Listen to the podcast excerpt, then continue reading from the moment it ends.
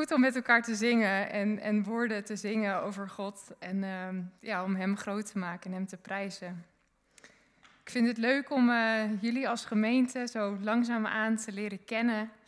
En ehm, ja, om te leren kennen en om hier te zijn met jullie en om echt deel te zijn ook uh, van jullie in jullie midden. En schroom ook niet om me aan te spreken tijdens het koffiedrinken zometeen. Ik vind het echt leuk om mensen persoonlijk te leren kennen. En daar ligt mijn, mijn hart en mijn interesse ook echt om, om jullie allemaal, we zijn met veel, maar om jullie allemaal te leren kennen. En ik vind het mooi om uh, vandaag hier in functie voor de eerste keer uh, te preken.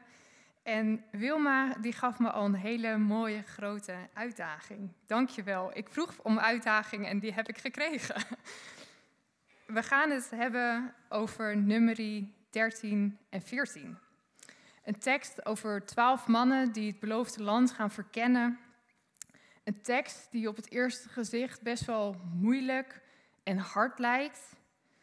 Uh, maar een tekst ja, die, die misschien in eerste instantie een kant van God laat zien die we eigenlijk helemaal niet willen zien.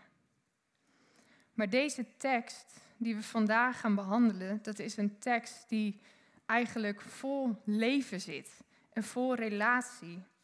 Een tekst vol verlangen.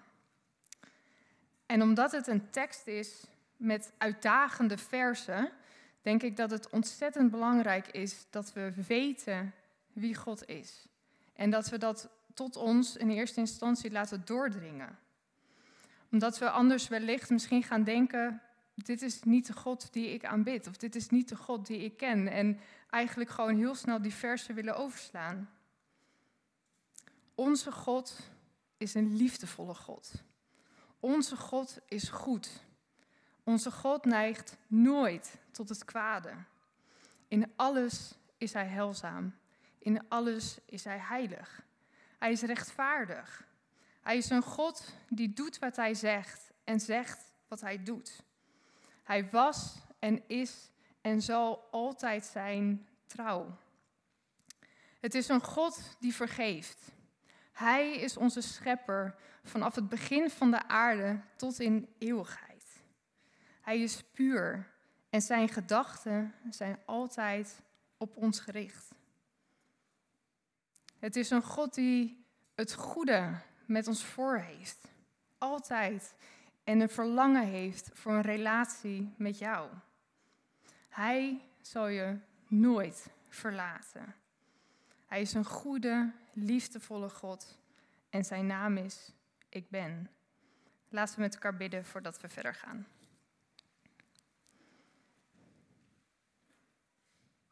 God Vader, Jezus en Heilige Geest, wilt u zo op dit moment ons bewust maken van uw aanwezigheid. Heer, want u bent er al voordat we dat kunnen beseffen. Wilt u ons hart openmaken en ons openstellen voor de woorden die we gaan horen. Dat bid ik zo in Jezus' naam. Amen.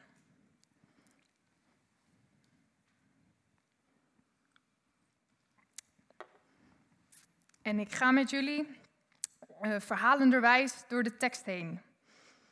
Het begint allemaal in nummerie, wat ook wel in de woestijn betekent in sommige vertalingen.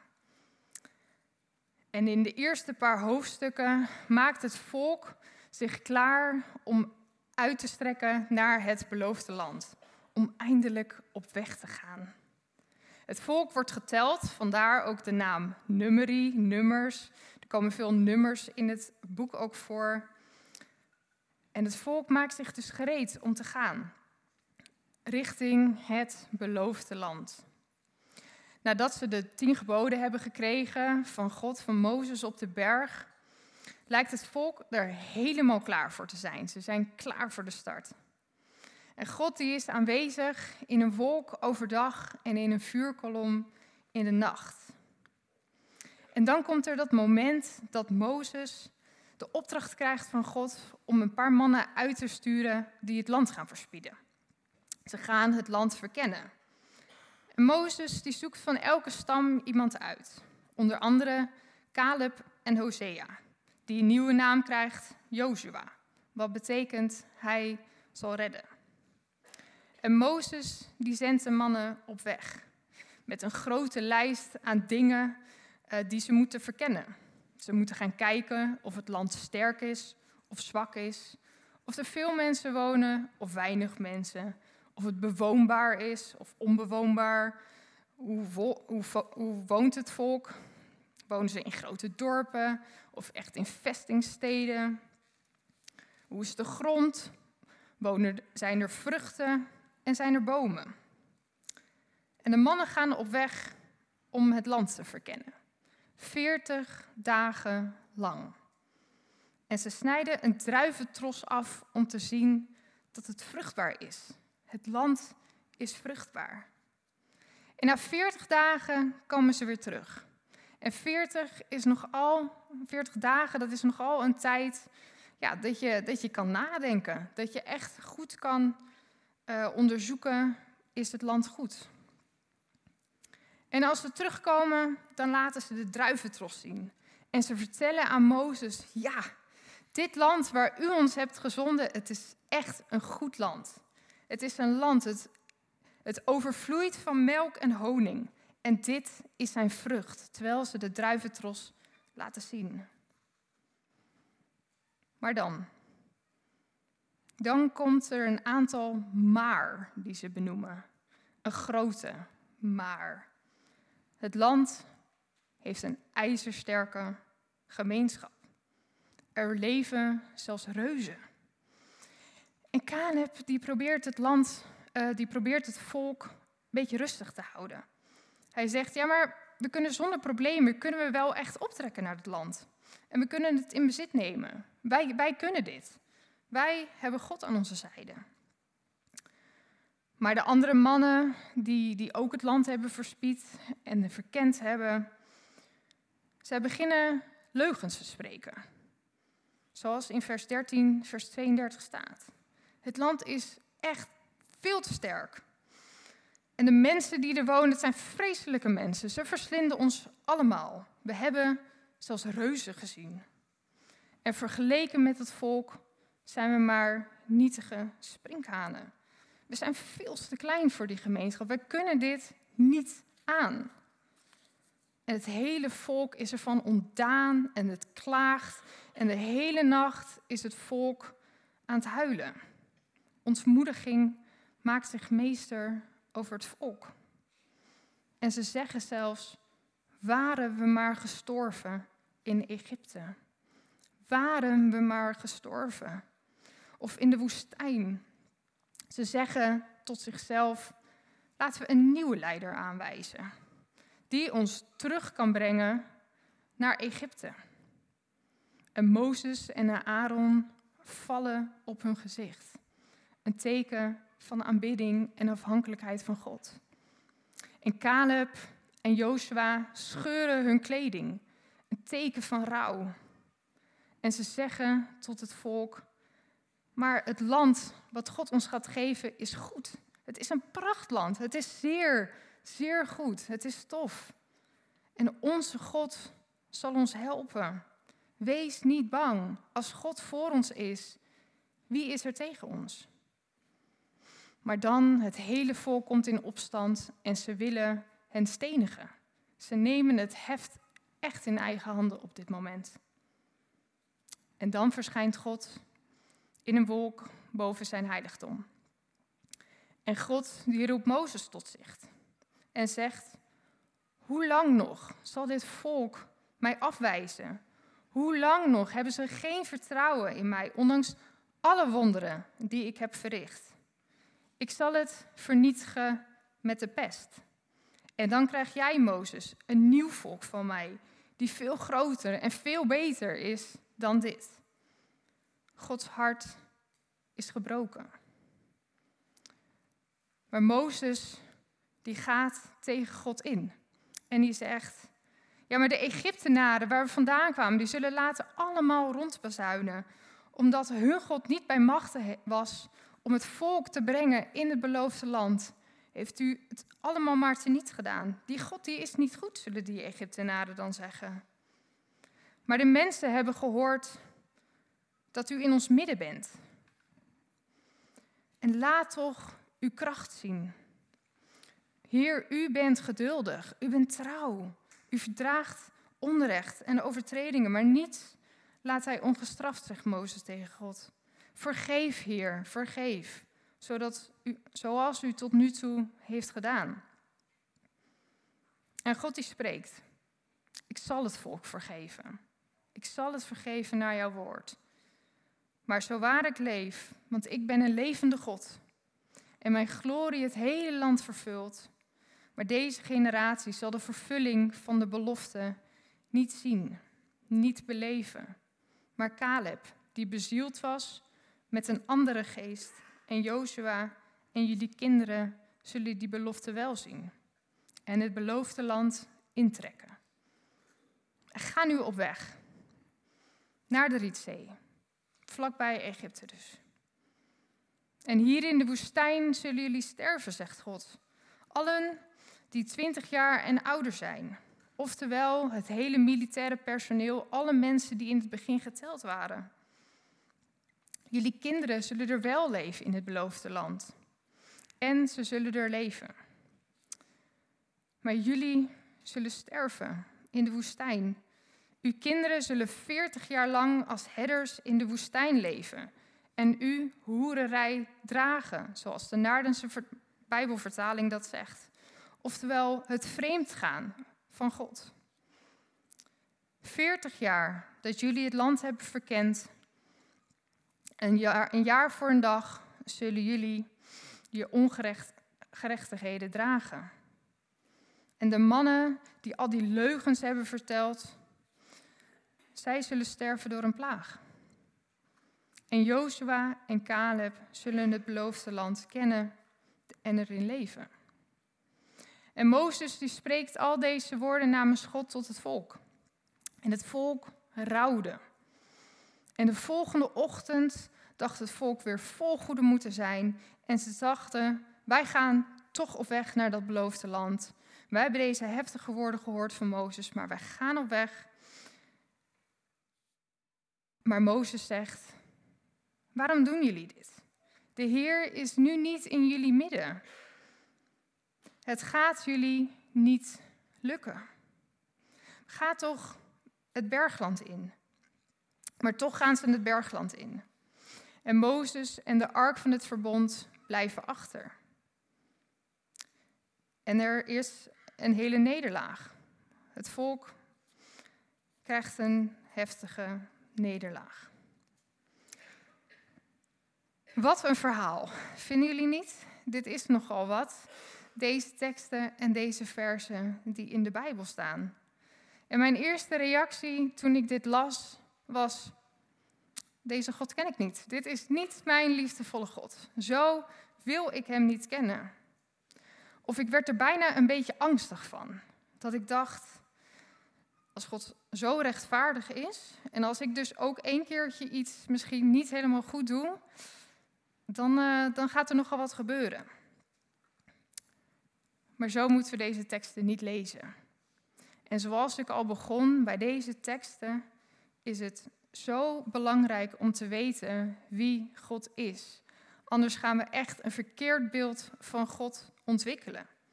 Of dan blijven we misschien wel denken, nou, dit is de oud-testamentische God en gelukkig in het Nieuwe Testament komen we een andere God tegen. Maar God is dezelfde.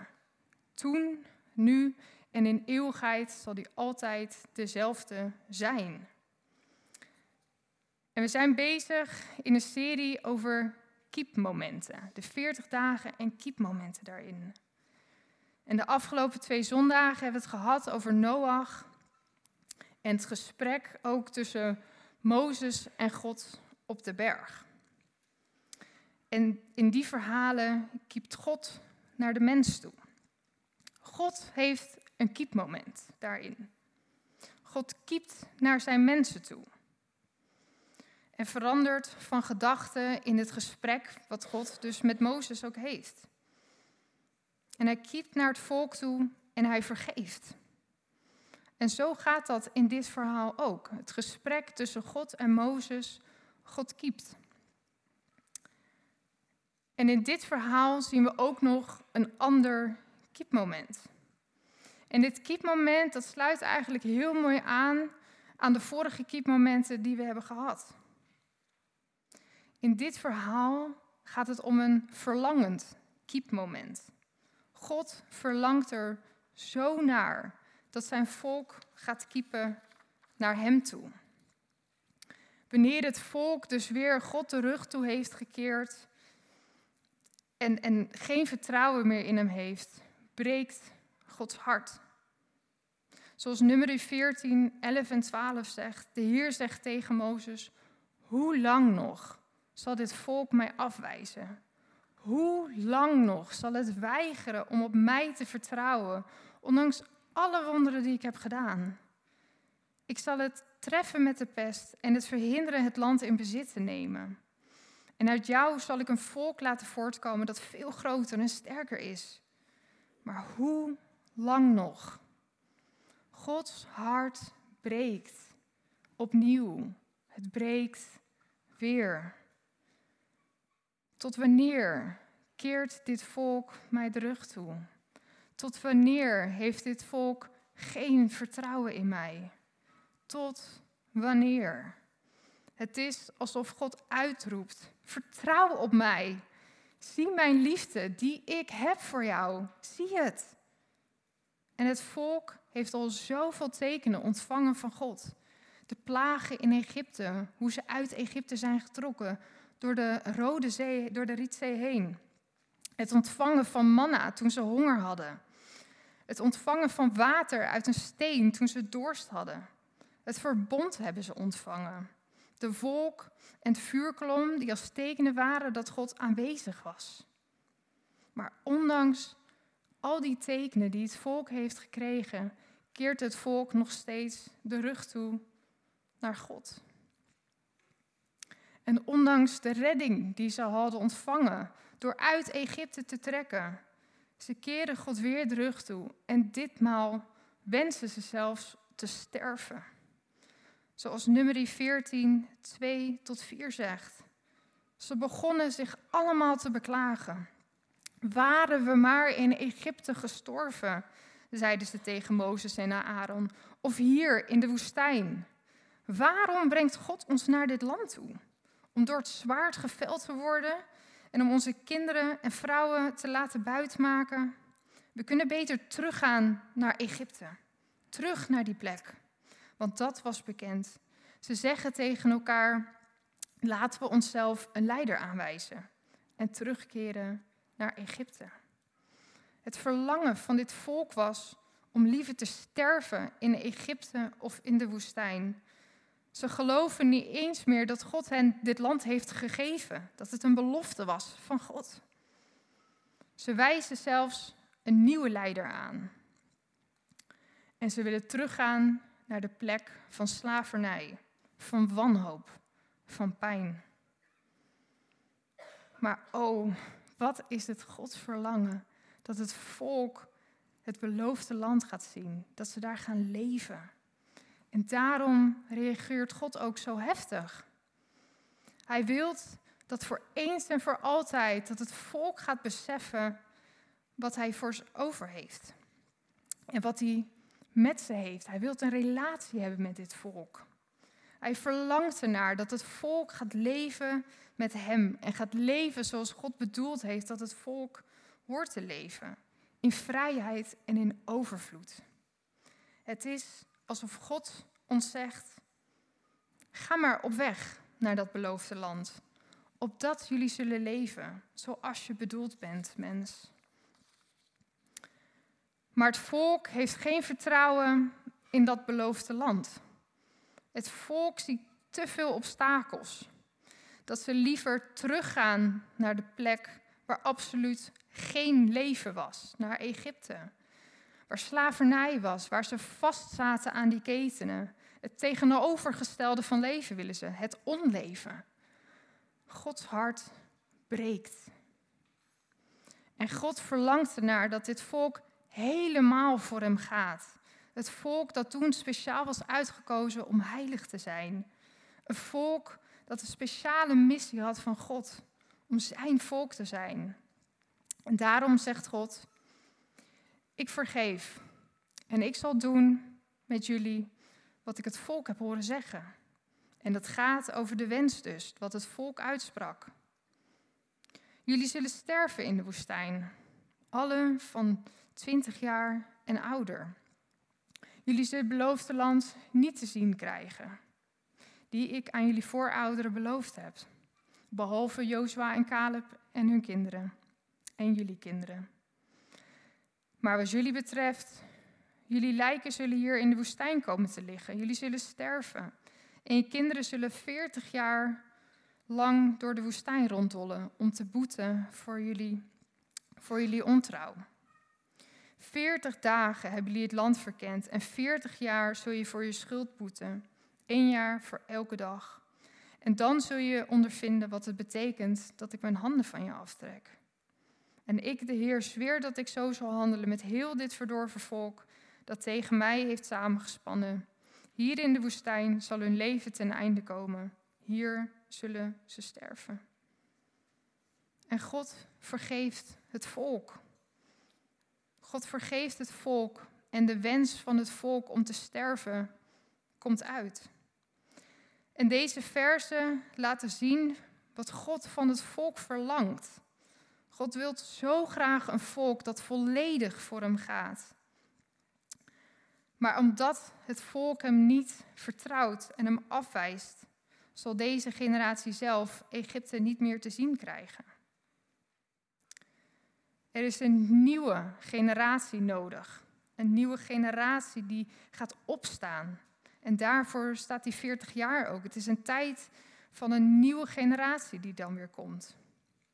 En er is een nieuwe generatie nodig om alle banden te breken die het volk nog met Egypte had.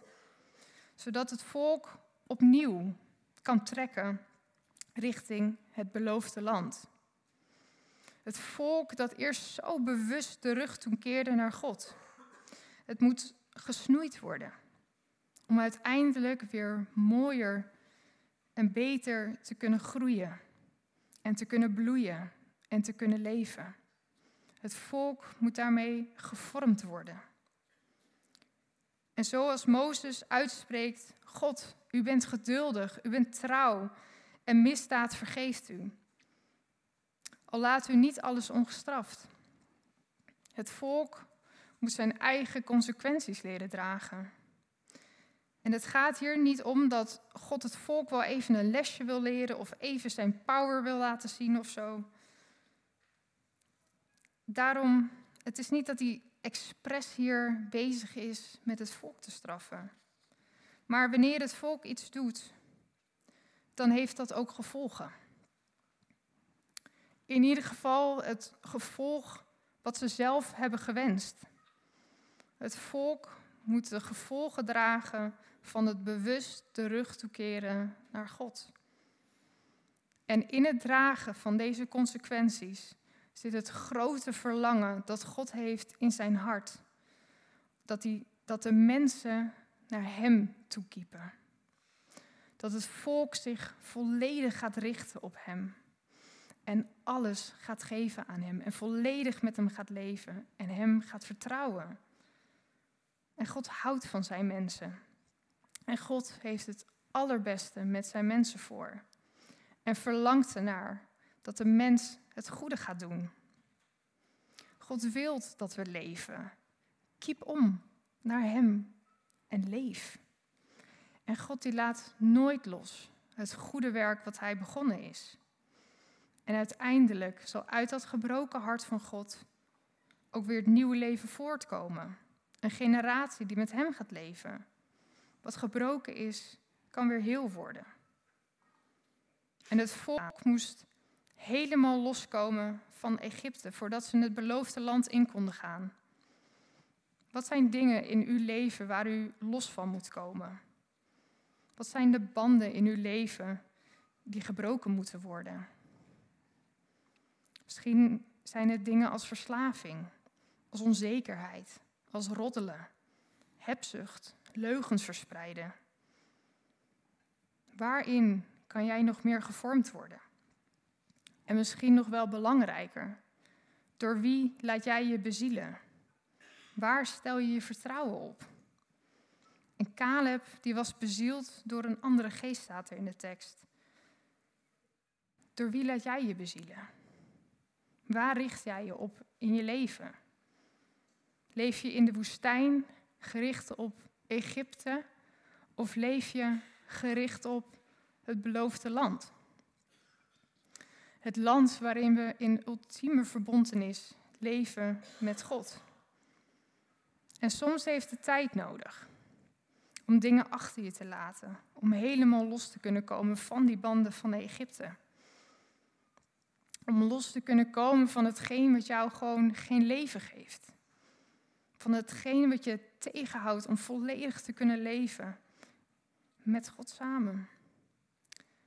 En ergens diep in mij herken ik ook wel een beetje dat stukje angst wat het volk had. Om je volledig te kunnen geven aan God. Dat is nogal wat. Dat is niet makkelijk. En het vraagt letterlijk alles van ons. En God is ook niet tevreden met een klein beetje van ons. Hij wil alles van ons. God wil ons niet alleen maar op de zondagochtend of op de vrijdagavond, maar hij wil ons altijd, op elk moment, voor altijd. En God verlangt ernaar dat we een kiepmoment hebben naar Hem toe. Dat je je om kunt draaien en Hem kunt volgen. Dat is alles wat Hij wil. Dat je Hem lief hebt met heel je hart, heel je ziel en al je verstand. En we zingen zo meteen een lied. En na het lied zullen we een moment hebben van open altaar. En ik zou je willen uitdagen en willen uitnodigen om over de volgende vraag alvast na te denken. Door wie of wat laat jij je bezielen? Wie volg jij? Waar richt je je op? Leef je in de woestijn gericht op Egypte of leef jij gericht op het beloofde land? Amen.